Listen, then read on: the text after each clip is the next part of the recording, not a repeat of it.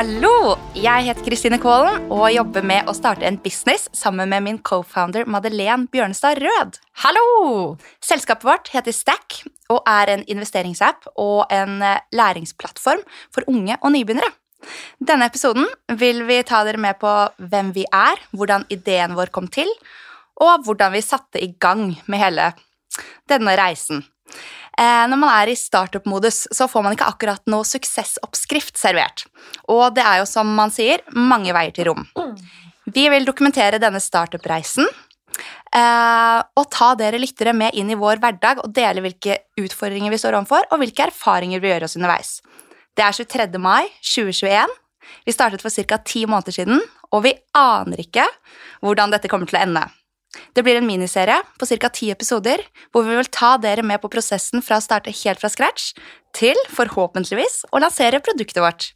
Det eneste vi vet, er at vi begge er i familieetableringsfasen i tillegg, så egentlig burde vi valgt et trygt alternativ med fastlønn og fast ansettelse, men ja, hopper i det og gønner på. Yo, yolo! Jeg er ikke enig i den uh, statementen der, Kristine, forresten. Jeg syns det er akkurat det vi skal gjøre. Ja! Det, I know. Det er, du har helt rett. Det er akkurat dette vi skal gjøre. Men hva tenker du da om å dokumentere dette? Vi risikerer jo å dokumentere tidenes feil dersom vi ikke klarer det.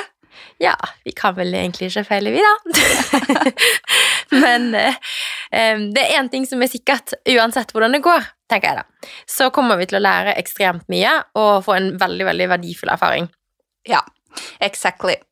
Men uh, ok, Maddy, kan ikke du starte da med en liten intro på hvem du er, og hvordan vi har havnet her hvor vi er nå? Yes, så jeg er jo da Madeleine eh, og CEO og co-founder i Stack. Jeg har jobbet åtte år i finans i et meglerhus og et asset management-selskap som heter Pareto. Og der var jeg en av veldig, veldig få kvinner gjennom hele min karriere. Um, men det var egentlig uh, når jeg begynte i asset management um, og innså at jeg kunne veldig lite om fond, selv om jeg hadde da jobbet med aksjer og obligasjoner og på en måte underliggende verdipapirer som går inn i et fond da, uh, i over seks år, så følte jeg at oi, dette var jo veldig lurt, og noe alle burde kunne noe om. Så jeg inviterte på en sånn jentekveld eh, for å liksom, øve på pitchen min, da, for jeg skulle jo selge fond, eh, men også for å spre det glade budskap da, om, hvor, hvor, bra fond er. Ja, det... Skikkelig nerdekveld der. ja. så hadde vi denne kvelden, og så innså jeg at eh, disse vennene mine investerte veldig lite.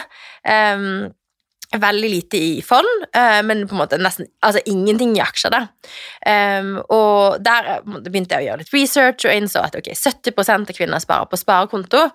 Og eh, fra, fra, at vi starter med at ofte så får kvinner dårligere lønn, gjennom et langt liv da, så investerer menn mer og tar mer risiko, så innen vi på en måte pensjonerer oss og vi egentlig trenger mer penger, så har mennene eh, veldig, mye mer igjen fordi vi har bare spart på sparekonto. Um, så ja, det er jo litt urettferdig å tenke på. Så ja. Derfor vil jeg gjøre noe med det. Ja. Eh, og da var jo på en måte eh, feedbacken jeg fikk når jeg snakket med venninner og litt nettverk begynte på en måte der, da. Det var at eh, For det første så følte ikke folk at de visste nok om investeringer til å komme i gang. De følte at de burde kunne mer. Og det andre var at de syntes plattformene var litt sånn skumle. Det var liksom mye lys og eh, blinkende lys og tall så de ikke visste helt hva var, og så lenge de sto der, så følte de at de burde på en måte kunne forholde seg til dem. Og det gjorde at folk kviet seg veldig for å putte penger inn i dette.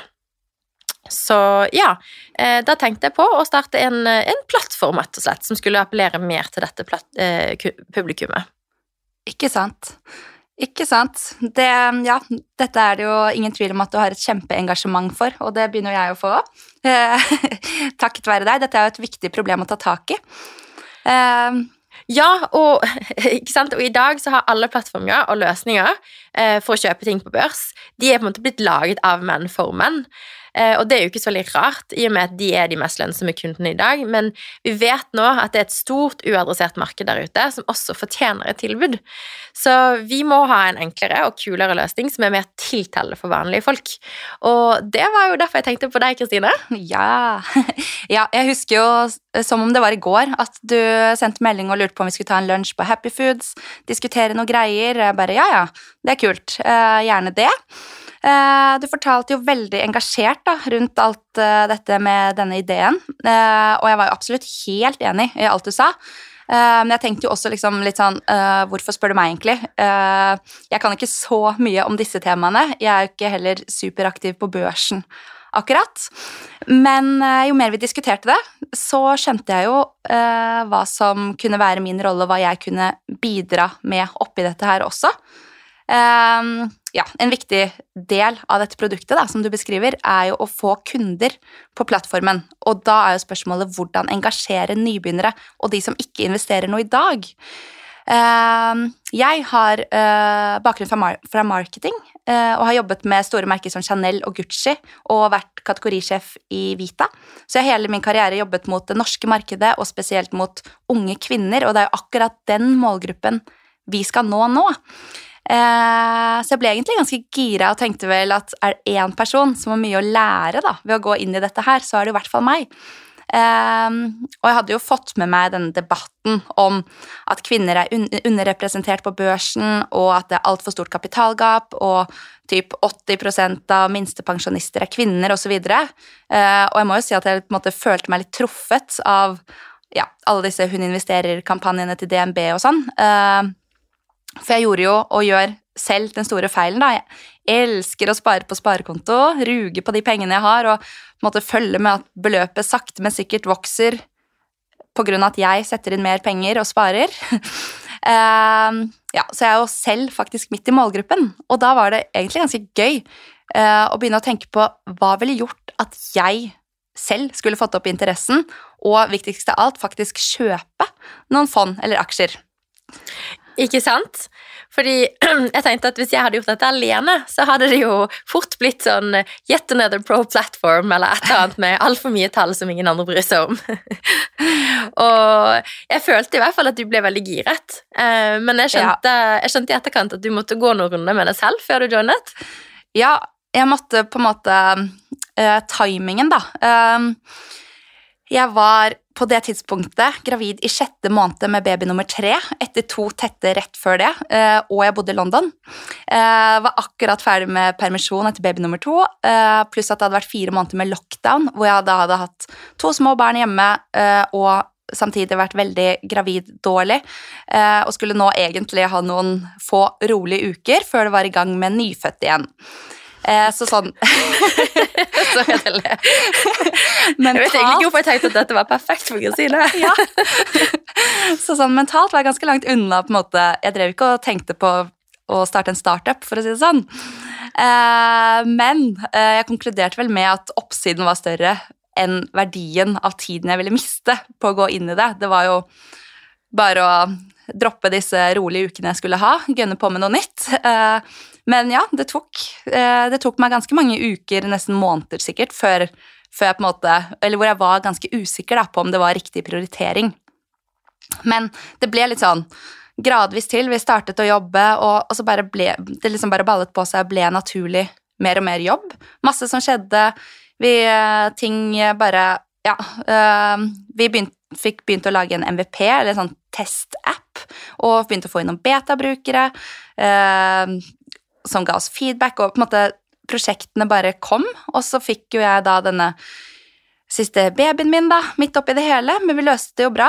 Uh, ja. det gjorde vi.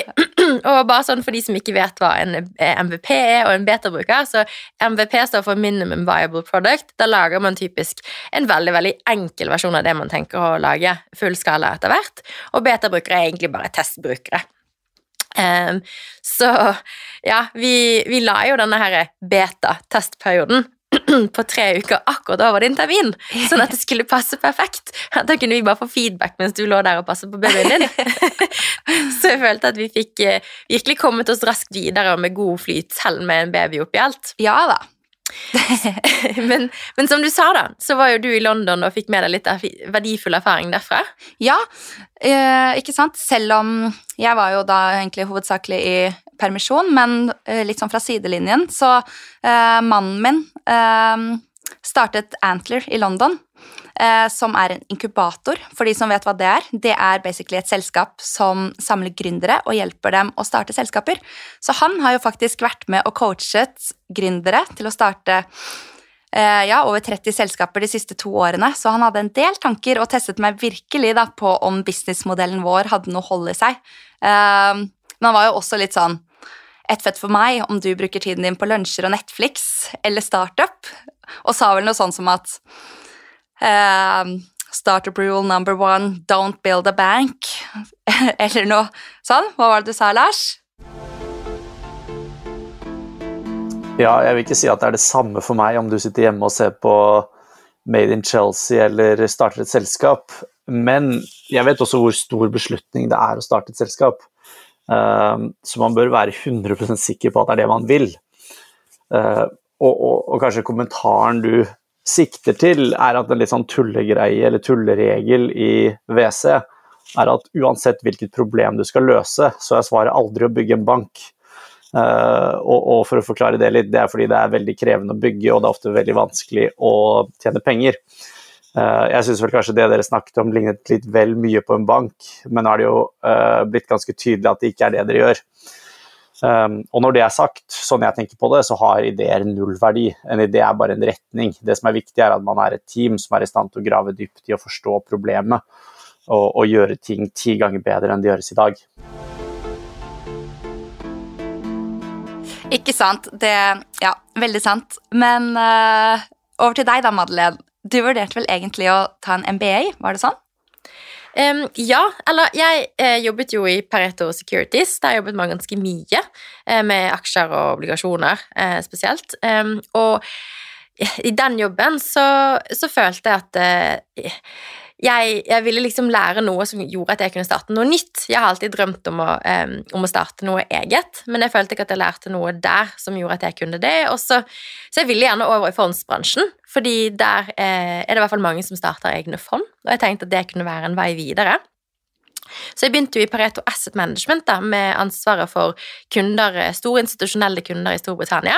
Tenkte at det var en kul mulighet til å ha egne kunder og være litt sånn high-flying businesswoman som dro til London og hadde masse kule kundemiddager og ja, var litt sånn på farten.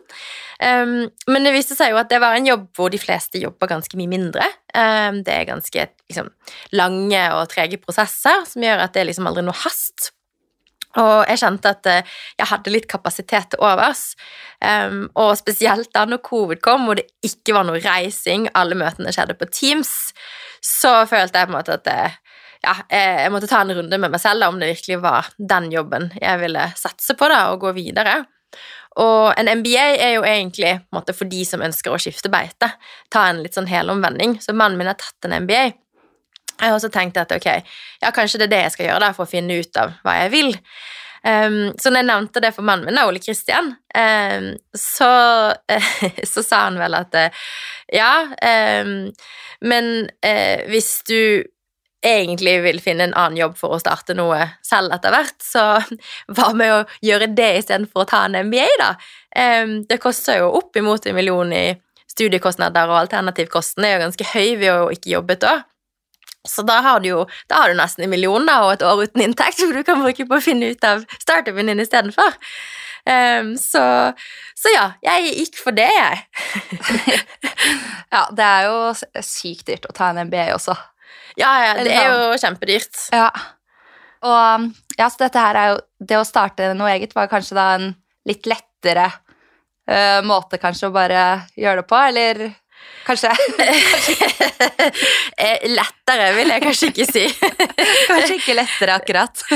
Nei, det vil jeg ikke si. Men um, det er jo uh, den beste læringen, vil jeg si. Praksis. Uh, det har alltid vært uh, mantra i Pareto, i hvert fall, at praksis er den beste læring. Ja. Og det er jeg veldig enig i. Ja, helt enig. Og jeg hører jo at det høres ut som at du kanskje alltid har hatt et lite ønske om å bli gründer. ja. Eh, ja, det har jeg alltid ønsket. Så jeg har jo vokst opp med et veldig kult forbilde. Farmoren min startet egen bedrift når hun var 41. Da hadde hun faktisk hatt eh, et eget selskap før det også. Men hun importerte kosmetikk, um, og uh, hun var jo da liksom alltid familiens liksom, overhode. Det var hun som på en måte betalte for ferier og var litt sånn sjefen, da. Men hun var jo også en person som alltid hentet i barnehagen hvis pappa ikke kunne hente oss, Mm. eh, og alltid kunne ta oss med på ferie, fordi hun styrte sin egen hverdag. Ja. Og selv om hun har jobbet liksom av og til, så jobbet hun til klokken to om morgenen. Da, jeg bodde jo med henne under studietiden, og da var hun jo godt oppe i 60-årene, om ikke hun var fylt 70. Ja. Kom hun hjem klokken Shit. to fordi at hun drev med årsoppgjør eller eller sånt. Og, men hun, det plaget hun ikke i det hele tatt. Og så tenkte jeg sånn, Fordi hun syntes det var så gøy. Mm. Um, og da tenkte jeg det der er jo målet. på en måte Ha kontroll på din egen hverdag. Jobbe med noe som du brenner for. Uh, sånn at, uh, for det plager meg ikke å jobbe mye, men man skal jo jobbe for noe man brenner for. Ikke sant? Ja. Åh, det er et skikkelig fint uh, forbilde, da. Ja. Ja. Så, men du Kristine, du har jo startet noe en gang tidligere. Har du noen eh, learnings fra det? Ja, det er så eh, rart. Jeg har liksom aldri hatt noe veldig sånn sterkt ønske om å starte noe, snarere heller motsatt. Eh, jeg har alltid hatt veldig sånn klare målsetninger på stillinger jeg ønsker meg, og jobbet veldig målrettet for å få det jeg ville. Eh, men hele den startup-greia har liksom aldri appellert helt til meg. da. Jeg har vel alltid tenkt at startup er litt sånn ensbetydende med å henge på mesh og være yolo og Eh, Jeg vet ikke, jeg liksom satser alt på noe som sannsynligvis ikke blir noe, men alle startuper er jo forskjellige, og det er jo folka som definerer hvordan selskapet skal være. Men ja, eh, for noen år siden så var jeg med å starte noe som vi kalte for Styleswap. Det skulle være en type Airbnb for fashion goods. Liksom, eh, ja, at man kunne bytte klær mellom folk. Eh, superkul idé, da, som jeg eh, fremdeles virkelig tror kunne blitt noe. Og på en måte ligner, eh, ganske lignende det Fjong har gjort, og hatt veldig stor suksess med. Vi jobbet med det i ca. ett og et halvt år, og lærte jo masse, og fikk også til veldig mye. Men ja, det gikk liksom ikke helt hjem, rett og slett. Og man sitter jo alltid igjen med noen key learnings. Og det viktigste var vel at vi gikk ikke nok inn i det. Vi trodde jo det på det tidspunktet at vi liksom gikk all in, men jeg merker jo nå hvordan vi på en måte går 400% inn med alt vi har. eh, på en annen måte da, enn vi, vi gjorde den gangen. Eh, og eh, teamet var heller ikke på en måte, Det var ikke heller en eh, optimal eh, sammensetning, fordi to av oss hadde veldig lik kompetanse, og han tredje hadde ikke nok tid. Så ja, så det ble rett og slett ikke optimalt. Eh, så det er viktig med klare roller. Ja, ja det er det. Eh, men eh, herregud, det er jo veldig mye gøy med å starte et selskap Ja. også, da. Um, I starten så følte jeg, jeg at alt var liksom litt som en lek. Uh, man vet ikke om det faktisk er noe eller ikke. Og så begynner det å skje sånne små ting som er skikkelig gøy, og ting føles litt virkeligere. Ja, jeg vet. Herregud, det var liksom bare sånn For eksempel da, når vi bare plutselig får et org-nummer og en bedriftsside i Altinn. Ok, hvis du liker å henge der, skulle du vært CFO, du. Det er mye admin med det igjen, ass. A-meldinger og, og i det hele tatt. Ja, ja, det er veldig masse admin, da. Men uh, det er jo på en måte Ja, da føltes det jo litt virkelig plutselig. Og jeg håper jo på en måte at om eh, Si om fem år, da. At vi liksom husker disse småtingene som vi syns var kult i starten.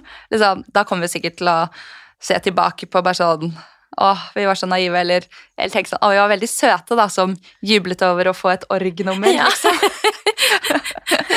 Allerede har vi liksom kommet eh, litt videre, men ja. Eh, det er mange sånne kule ting i, i starten da, som man bør sette litt pris på. Men for å si litt om hvordan vi kom i gang, da, i og med at man får jo ikke akkurat utdelt noe oppskrift. Eh, man må finne ut av ting selv. Så det vi gjorde veldig mye av i starten, var å snakke med andre gründere eh, om hvordan de hadde startet, og hvilke learnings de hadde gjort seg. Så vi fikk jo masse råd gjennom det, og jeg husker at jeg syntes det var sykt gøy og veldig inspirerende å snakke med folk som har jobbet skikkelig hardt for å oppnå noe, da, sånn som de vi snakket med, hadde gjort. Ja, folk var så behjelpelige eh, og veldig keen på å snakke med oss. Eh, så det var veldig gøy og hyggelig.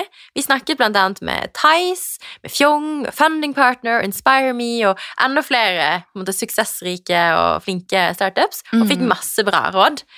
Tice de ga en masse input på lanseringskampanje og influensastrategi. Sigrun i Fjong sa masse nyttig om crowdfunding og det om å søke offentlige midler. Og Geir Atle fra Funding Partner han hadde en masse tanker, blant annet så sa han dette. Stack by me, vanvittig kult eh, konsept og vanvittig viktige oppgaver som dere har begynt å, å, å løse. Um, så nei, altså tre råd, uh, sånn jeg ser uh, fokuset deres på å fokusere på kvinner 25 til 35 år, Uh, bygge investeringsplattform, Um, ja, gitt den spacet dere er i, så ville jeg sagt Eh, nummer én, fokuser på eh, aldersgruppa eh, over 18 år. Eh, alle som er under 18 år, eh, gir bare masse ekstra problemstillinger når det gjelder at du ikke har eh, bank-ID eh, som identifisering. Der er masse sånn regulatorisk om vite hvem kunden din er, når du ikke kan bruke bank-ID og digitale virkemidler og må ha kopi av pass eller foreldres samtykke. Så ja, det er bare vanvittig tungvint. Så bare fokuser på når du skal ha hovedgruppe 25 til 35, og ta den, og, og dropp de som er under 18, så kan du eventuelt senere uh, utvide produktet til også investeringstips til kanskje de under 18. Um, tips 2. Uh, konsesjon, dette spacet med investeringstips og investeringsplattform, er jo mye en kan gjøre som uh, raskt gjør at du blir konsesjonsbelagt. Må du ha konsesjon, så må du ha det før du starter. Og Det krever en del uh, ja, ting og koste en del penger å få på plass. Så jeg sagt forsøk først å enten låne konsesjon fra noen som har det, um, eller å eventuelt gjøre ting og oppgaver som du kan gjøre uten som ikke krever konsesjon. Men det er veldig viktig å tenke på fra dag én når en begynner å lage produkter og planlegge tinga. Og tips tre, eh, gitt den gjengen dere er, eh, med vanvittig flinke marketing, finans, damer, så tenker jeg det at dere òg må få med en CTO eh, så tidlig som mulig. Det var en feil ikke feil, det var en ting vi ikke gjorde. Uh, vi hadde litt samme type team, og, det, det angrer vi veldig på senere. Da. Så det å få med en CTO ifra, helst fra dag én eller så raskt som mulig, vil gjøre at du, du bygger et tech-produkt som er enda mer skalerbart uh, tidligere. Du, du, går ikke mange omveier, og du bygger riktig fra dag én, da, uh, i større grad iallfall. Jeg vil jo alltid forbedre produktet, men Så det er tre ting som jeg tror dere kan tenke litt på. Yes, Virkelig bra og konkrete tips der. Eh, og det er virkelig et råd til alle. da. Ta kontakt og snakk med andre gründere. Eh, vi har virkelig opplevd masse positivitet rundt det. Eh, og man kan jo lett tenke at eh, Men jeg kjenner ikke disse folkene. Eh, jeg har ikke det nettverket. Men vi har jo også på en måte, vi har sendt masse meldinger til folk vi ikke kjente, og fått uh, introer via via.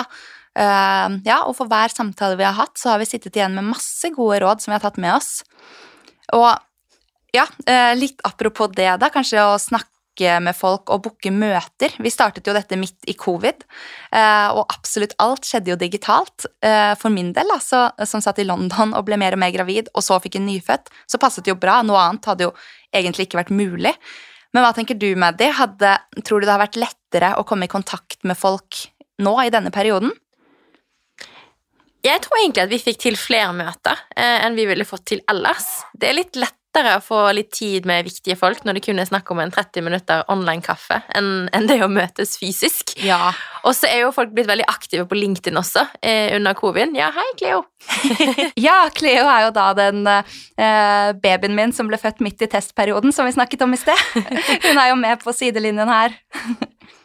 Men eh, ja, ikke sant. Det har vært mye lettere. Men uh, ja, apropos Beber, da. Du ble vel Ble du så inspirert av hvor effektivt det kunne være å få en covid-baby at du måtte slenge deg på babybølgen du også, eller med det? ja. Vi har skikkelig sterk babyboom, vi nå. Ja. så nå gjør vi det for andre gang. Vi legger en betatestperiode rett over termindato for å få timet inn. For For de som ikke skjønte det, så ja, jeg er jo gravid, jeg òg.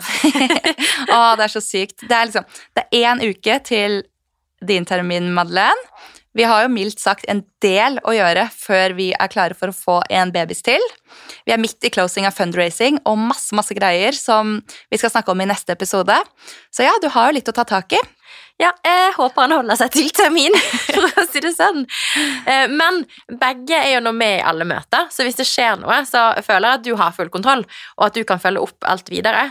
Um, så det er et viktig poeng her. Det er veldig viktig med en co-founder. Dette hadde ikke vært mulig å gjøre alene. Jeg tror faktisk ikke selv uten baby.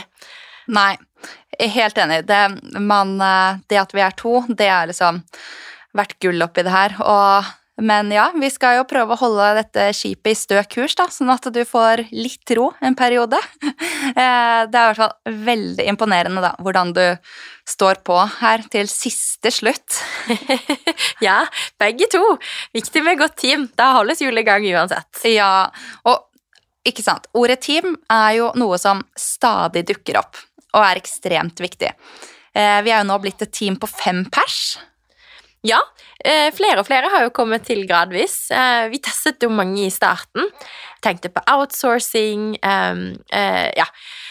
Og så på det, men CTO var veldig viktig for oss, helt essensielt, fordi vi kan jo ikke kode noen av oss. Nei. Så vi bestemte oss for å ja, ha det in-house. Ikke sant? Og ja, hele den CTO-searchen gikk seg jo litt sånn gradvis til for oss. Eh, vi ville jo på en måte finne en jente på vår alder som bare, så vi kunne ha et skikkelig kult team sammen med. Eh, men vi begynte med å snakke veldig mye med min far, fordi han driver et app-utviklingsselskap og har liksom jobbet med dette i 40 år.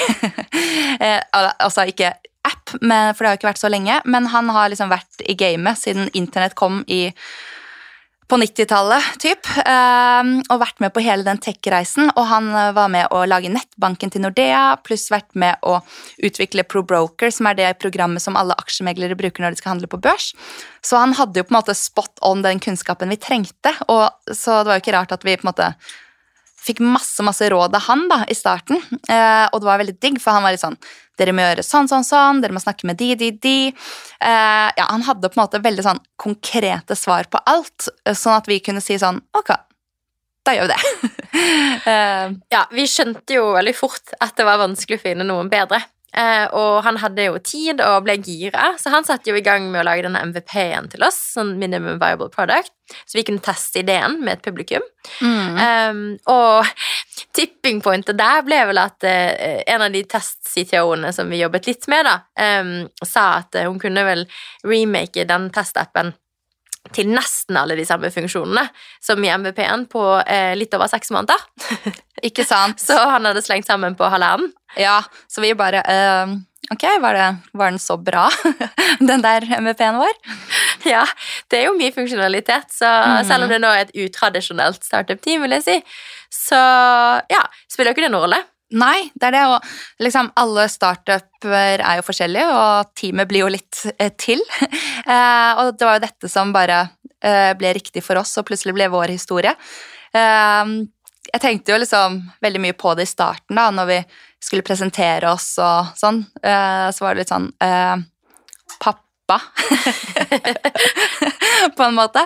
Eller var litt sånn rart, men så har man jo bare vent seg til at vi sier liksom Øyvind, og ingen eh, tenker jo noe over det, og når vi liksom sier det, så sier jo folk bare sånn ah, fett. Det er jo ingen som bryr seg. Ja, og det er jo egentlig bare et sterkere team. Ja. Eh, Det at han er faren din, betyr at vi kan stole 100% på han. Han vil jo bare deg vel. Ja, Um, og mange spør jo om hvordan vi kjenner hverandre og er opptatt av historien vår, så da er jo det en litt sånn morsom tørrprat når man setter i gang. ja, det er liksom akkurat det. Og ja, dette med team er liksom en faktor som man hører at det er noe av det aller viktigste. For alt i alt så er det jo disse menneskene som skal løse den oppgaven man står overfor og har tatt for seg. Da. Så man må jo kunne overbevise både investorer og alle mulige partnere om at dette er det riktige teamet for å løse denne oppgaven. Så sånn vi har gjort det, da. Eh, virkelig satset på å få personer med vidt forskjellige bakgrunner uten overlap på kompetanse, fordi eh, man har jo liksom ikke midler til å ansette folk heller. Så man må vel kanskje ha litt flaks også med at man klarer å overbevise folk om å bli med på reisen og overbevise om at dette blir bra. Ja, dette blir bra. Ja. og vi har jo på en måte vært en liten kjerne lenge. Og bare nå for et par uker siden, det var så gøy, fordi da kom designeren vår Martine, som også for øvrig er eh, gravid, apropos babybom. Eh, men ja, hun eh, sa da at hun eh, ville sette alt annet til side for nå å bruke all sin tid på Stack. Eh, og vi bare Herregud, så kult. Og det samme skjedde jo med Mathilde, som har vært med på deltid på utvikling. Hun ville være med og begynne å jobbe fullt for oss. Så det var sånn vi bare Herregud, shit. Det er jo litt sånn Det var litt sånn reality check, fordi vi bare Ok, andre har troen på dette her. Eh, og går for dette, da. Eh, Det er liksom ikke bare en sånn luftboble som vi to eh, lever i lenger. Nei, nei, nei, nei. Dette er superbull. Folk Ja. er med. Virkelig. Og det er faktisk det er noe av det jeg syns har vært, vært enklest i hermetegn. Eh, folk har jo tenkt litt så sitt som ikke jeg har visst om underveis, men jeg føler at alle jeg har spurt, har vært gira på å være med. Så det er selvfølgelig noen som av andre grunner ikke har, har joinet, men eh, det har ikke vært så vanskelig å finne folk som har hatt lyst til å jobbe med den ideen. Nei. Nei, jeg er enig. Nei, det er kjempe Det er jo god flyt. Veldig. Så yes, vi Nå da, i denne episoden så har dere fått en liten intro på hvem vi er, hvordan vi kom i gang, eh, og en liten eh, touch av hva vi står i disse dager eh, med parallelle prosjekter. Madeleine har termin om én uke. Masse avtaler som skal på plass, masse som skjer. Så de neste episodene skal vi gå mye mer i detalj på spesifikke temaer og situasjoner som vi står i. Men videre så vet vi jo faktisk ikke helt hva vi skal snakke om, for vi vet jo ikke hva som kommer til å skje. Men eh, vi håper dere vil følge reisen vår videre gjennom denne serien. Så vi snakkes i neste episode. Snakkes! Ha det!